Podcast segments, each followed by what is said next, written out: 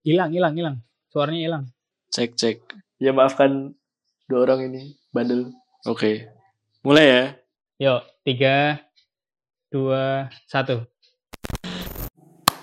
Oke, balik lagi di podcast Paruh Waktu dan kali ini bareng aku Duta sama Vera lagi dan kita bakal ngebahas kesibukan kita akhir-akhir ini, apalagi kalau bukan kuliah online.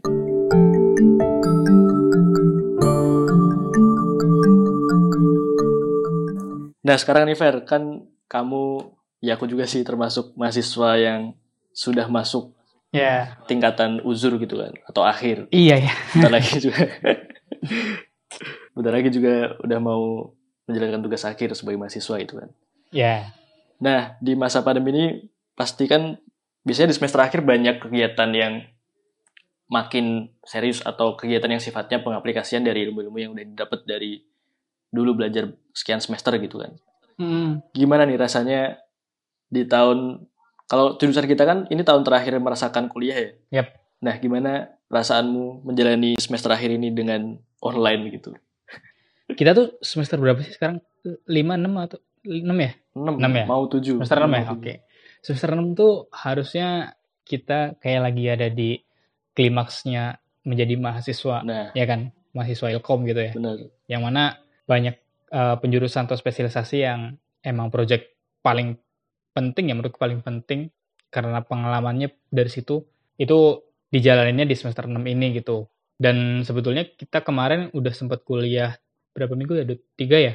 Iya, ham- hampir sebulan lah. Nah, hampir sebulan gitu kan itu sebetulnya udah kita udah nyiapin banyak hal gitu udah mulai prepare lah terus project-project yang berkaitan sama klien juga udah komunikasi sama klien udah segala macam gitu kan kemudian klik langsung datang sih corona. ya. corona gitu dan shock jelas gitu kemudian yang kedua adalah kita dihadapi dengan ketidakpastian dan harapan yang abu-abu sama sih sebenarnya kayak ketika kamu ngomongin tentang menjadi eh, organisasi online kuliah online pun untuk case kita yang ngerjain project itu dihadapkan dengan hal kayak gitu juga gitu karena project-project yang dikerjain kan butuh rapat, butuh tatap muka, butuh interaksi yang intens rutin setiap hari gitu kan.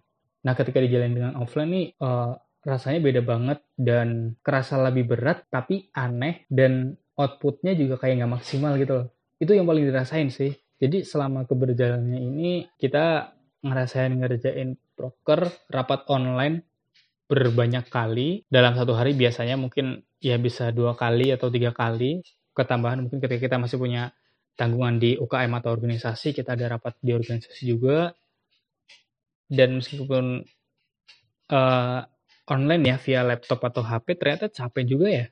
Capek juga gitu duduk selama 2, 3, 4 jam gitu. Dan ya apa ya cukup mengecewakan sih pasti ya. Karena harusnya portofolio kita dapat paling banyak di sini gitu kan. Terus sekarang cuma ya nggak cuma sih. Harus diganti dengan yang tidak seoptimal yang kita harapkan di awal gitu asli dulu ketika masuk komunikasi kemudian dua tiga semester pertama ya kita ekspektasinya tinggi lah mau gini gini gini gini gitu kan terus ada sekarang turun sekian puluh persen gitu dan ya capek ya kamu juga merasakan pusing yang sama kan Dut? Sama. Bahkan aku sampai ke tahap eh, nggak peduli sama kuliah online. Jadi ketika kuliah online selalu tak tinggal tidur sih. Kecuali kalau emang dipanggil. Buset. Iya sih ya parahnya juga sama sih. Kita juga lebih sering nggak tahu karena karena ngerjain di rumah juga ya. Iya benar. Terus kita biasanya kalau di rumah tuh sekarang beberapa tahun kebelakangan cuma liburan atau ya karena lagi istirahat. Jadi sama sekali nggak ngerjain tugas gitu. Ada tuh biasanya kalau aku sendiri sih lebih nyaman ngerjain tugas di luar gitu. Karena suasananya beda dan lebih fokus aja gitu ketika di rumah ya buat istirahat, buat game gitu kan. Dan ya sekarang kerasa gitu loh. Jadi ketika di rumah lebih sering uh, menunda-nunda kerjaan dan jadi nggak maksimal gitu kerjaannya ya yang penting kelar aja yang penting jadi gitu kan Iya. itu berasanya di situ gitu Lebih ke penurunan kualitas output kerjaan ya berarti ya. Hmm, hmm, hmm. betul Nah masalah ini Fer, Eh, kan dulu ketika ngerjain tugas atau kuliah segala macam, kita ngerjain pasti kalau nggak di kos atau di kampus sama teman-teman, kalau nggak ya keluar. Nah, Hmm. eh, aku pribadi jujur ketika ngerjain tugas juga selalu keluar karena di rumah bener-bener gak bisa fokus gitu. apalagi ditambah uh, kualitas sinyal yang jelek uh, fasilitas wifi yang kurang menunjang gitu kan aku selalu keluar untuk kerjaan tugas ya mohon maaf buat uh, orang-orang karena ini terdesak karena butuh jaringan sinyal yang bagus segala macam ngerasain ini gak sih kayak semacam culture shock lagi ketika dulu kuliah yang ngerjain sama teman-teman keluar atau di kampus bareng-bareng gitu kan. Sekarang di rumah belum lagi ada gangguan disuruh belanja lah disuruh inilah. Ya kayak gitu itulah. Kira-kira ngerasain nggak kultur shock di rumah kayak gitu? Banget sih banget banget. Karena ketika uh, nggak sama teman-teman kita jadi kayak kehilangan atau kekurangan teman untuk ngobrol satu frekuensi dan diskusi gitu. Biasanya kalau ngerjain tugas atau project atau tugas gitu itu kan banyak brainstorming dulu tuh sama teman-teman nah sekarang jadi kehilangan itu tapi untungnya karena di rumah alhamdulillah sinyalnya aman jadi solusinya biasanya kita meet bareng teman-teman gitu berdua atau bertiga dan diskusiin langsung gitu sih. Cuma tetap rasanya aneh gitu loh. Ada ini gak sih? Uh, kan kita sering juga nge-meet bareng atau entah itu pakai Discord, uh, Google Meet, Zoom segala macam. Apa sih uh, apa sih ini ya? Ada sukanya gitu nggak ketika menggunakan platform-platform baru ini? Atau tetap uh, offline tetap yang paling efektif dan yang paling menyenangkan gitu? Pasti sih sebenarnya kalau offline tuh paling efektif paling menyenangkan tuh pasti ya. Terus sinyal sih sebenarnya. Kayak sekarang nih, kita kan lagi recording dan pakai Discord ya. PR kan sinyalnya buat recording jadi ribet gitu. Yeah. Asli. Kadang tuh bikin stres juga kalau misal uh, lagi ada tanggungan dan harus sel cepet selesai tapi kita dihadapin dengan kayak gini gitu. Belum lagi kalau misal lagi kuliah gitu ya. Kalau lagi kuliah dan ternyata dosanya pakai Meet atau pakai WhatsApp gitu ya. Um, PR-nya juga kadang kayak kita menghadapi berbagai tipe tipe-tipe dosen ketika ngajar gitu gak sih? Nah, gimana tuh dosenmu?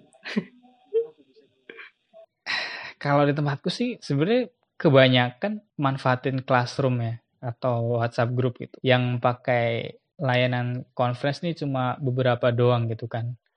Tapi ya itu kadang ya mungkin ada ibu dosen atau bapak dosen yang anaknya ikutan atau ada yang kasihan dikacangin sama muridnya karena ditinggal tidur kayak kamu gitu kan.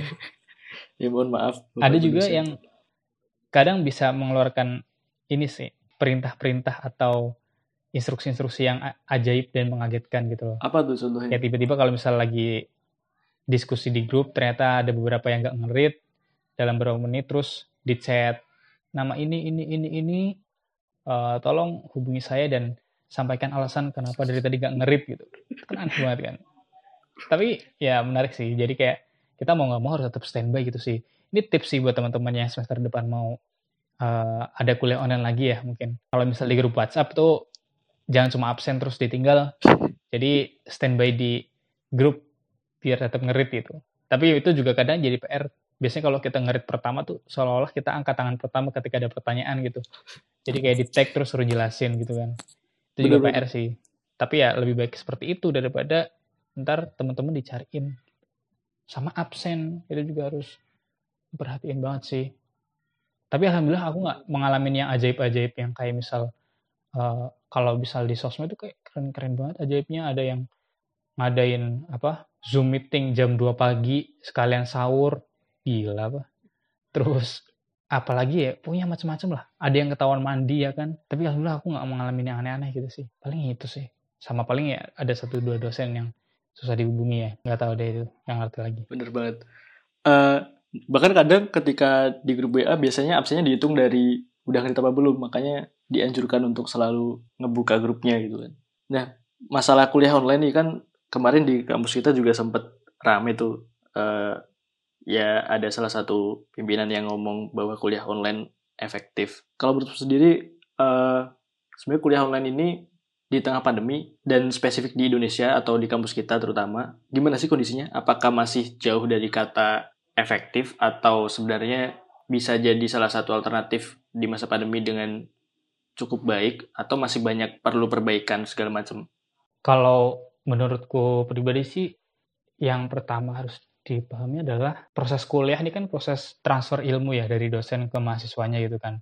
Kemudian proses ada diskusi juga yep. dan uh, esensi yang utama itu gitu. Nah, ketika sekarang metode yang dilakukan adalah hanya diwakili dengan tugas atau kurang interaksi, itu jadi PR karena ilmu yang diserap kadang kurang maksimal gitu. Sebenarnya bisa opsi, uh, kuliah online ini jadi opsi yang ideal gitu, tapi ketika metodenya ternyata tidak maksimal, jadi serapan ilmu yang didapat mahasiswa ini jadi kurang optimal juga. Itu satu hal gitu. Hal yang lain adalah ya tentu teman-teman yang di rumah ini kan daerahnya macam-macam ya. Dan daerah-daerah tersebut belum tentu semuanya punya kemampuan atau punya sinyal yang baik ketika ikut kelas secara virtual gitu. Baik dalam mengerjakan tugas yang harus membuat video atau yang lain-lain, atau ketika rapat, atau ketika kuliah, itu kayak ada kesenjangan sih biasanya antara sinyal yang bagus sama sinyal yang jelek. Belum lagi yang ketika teman-teman pakai kuota dan uh, teman-teman yang juga kesulitan itu udah udah sinyalnya jelek ketika harus dan harus beli kuota terus itu kan jadi kasihan juga. Jadi masih ada banyak kesenjangan juga tuh di antara satu mahasiswa ke mahasiswa lain gitu. Tapi di sisi lain ketika harus dilaksanakan secara offline pun bakal jadi masalah yang punya efek juga gitu loh. Kan kemarin juga banyak nih teman-teman yang menginginkan kuliah itu tetap offline dengan alasan uh, mall juga buka kok terus tempat-tempat umum yang lain juga buka kok tapi kenapa uh, kampus ini nggak buka gitu.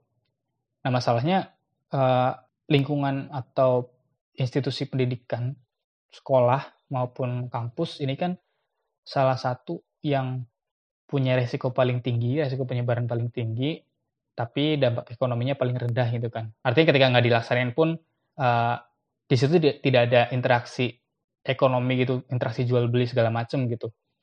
Otomatis ini paling ideal kalau bisa bisa dilaksanain di rumah gitu. Jadi kita juga kalau ngadain offline otomatis bakal ada banyak perpindahan orang dari satu daerah ke daerah lain. Itu bakal bawa transmisi virus juga. Kemungkinan kita jadi carrier terus kita datang ke daerah yang sama apalagi kalau misal ke kampus-kampus yang daerahnya daerah red zone itu bakal jadi petaka buat kita gitu apalagi buat anak muda dan anak-anak yang memang belum tentu bisa punya kedewasaan yang sama lah sama orang tua gitu kan. Ini jadi PR. Tapi ya kita juga nggak bisa insensitif buat mengakui kalau masih banyak daerah yang belum bisa siap dalam menghadapi kuliah online, termasuk orang-orang di dalamnya gitu sih. Itu sih paling yang aku resahkan. Jadi kayaknya kuliah online ini masih jadi metode yang uh, sementara paling ideal ya untuk Betul. selama pandemi ini sampai ya. kemudian yeah. situasinya mungkin sudah mulai bisa dikontrol dan mungkin ketika udah ada vaksin segala macam gitu. Hmm. Nah buat teman-teman yang kokoh pengen kuliah offline nih Fer, kira-kira ada yang mau disampaikan nggak?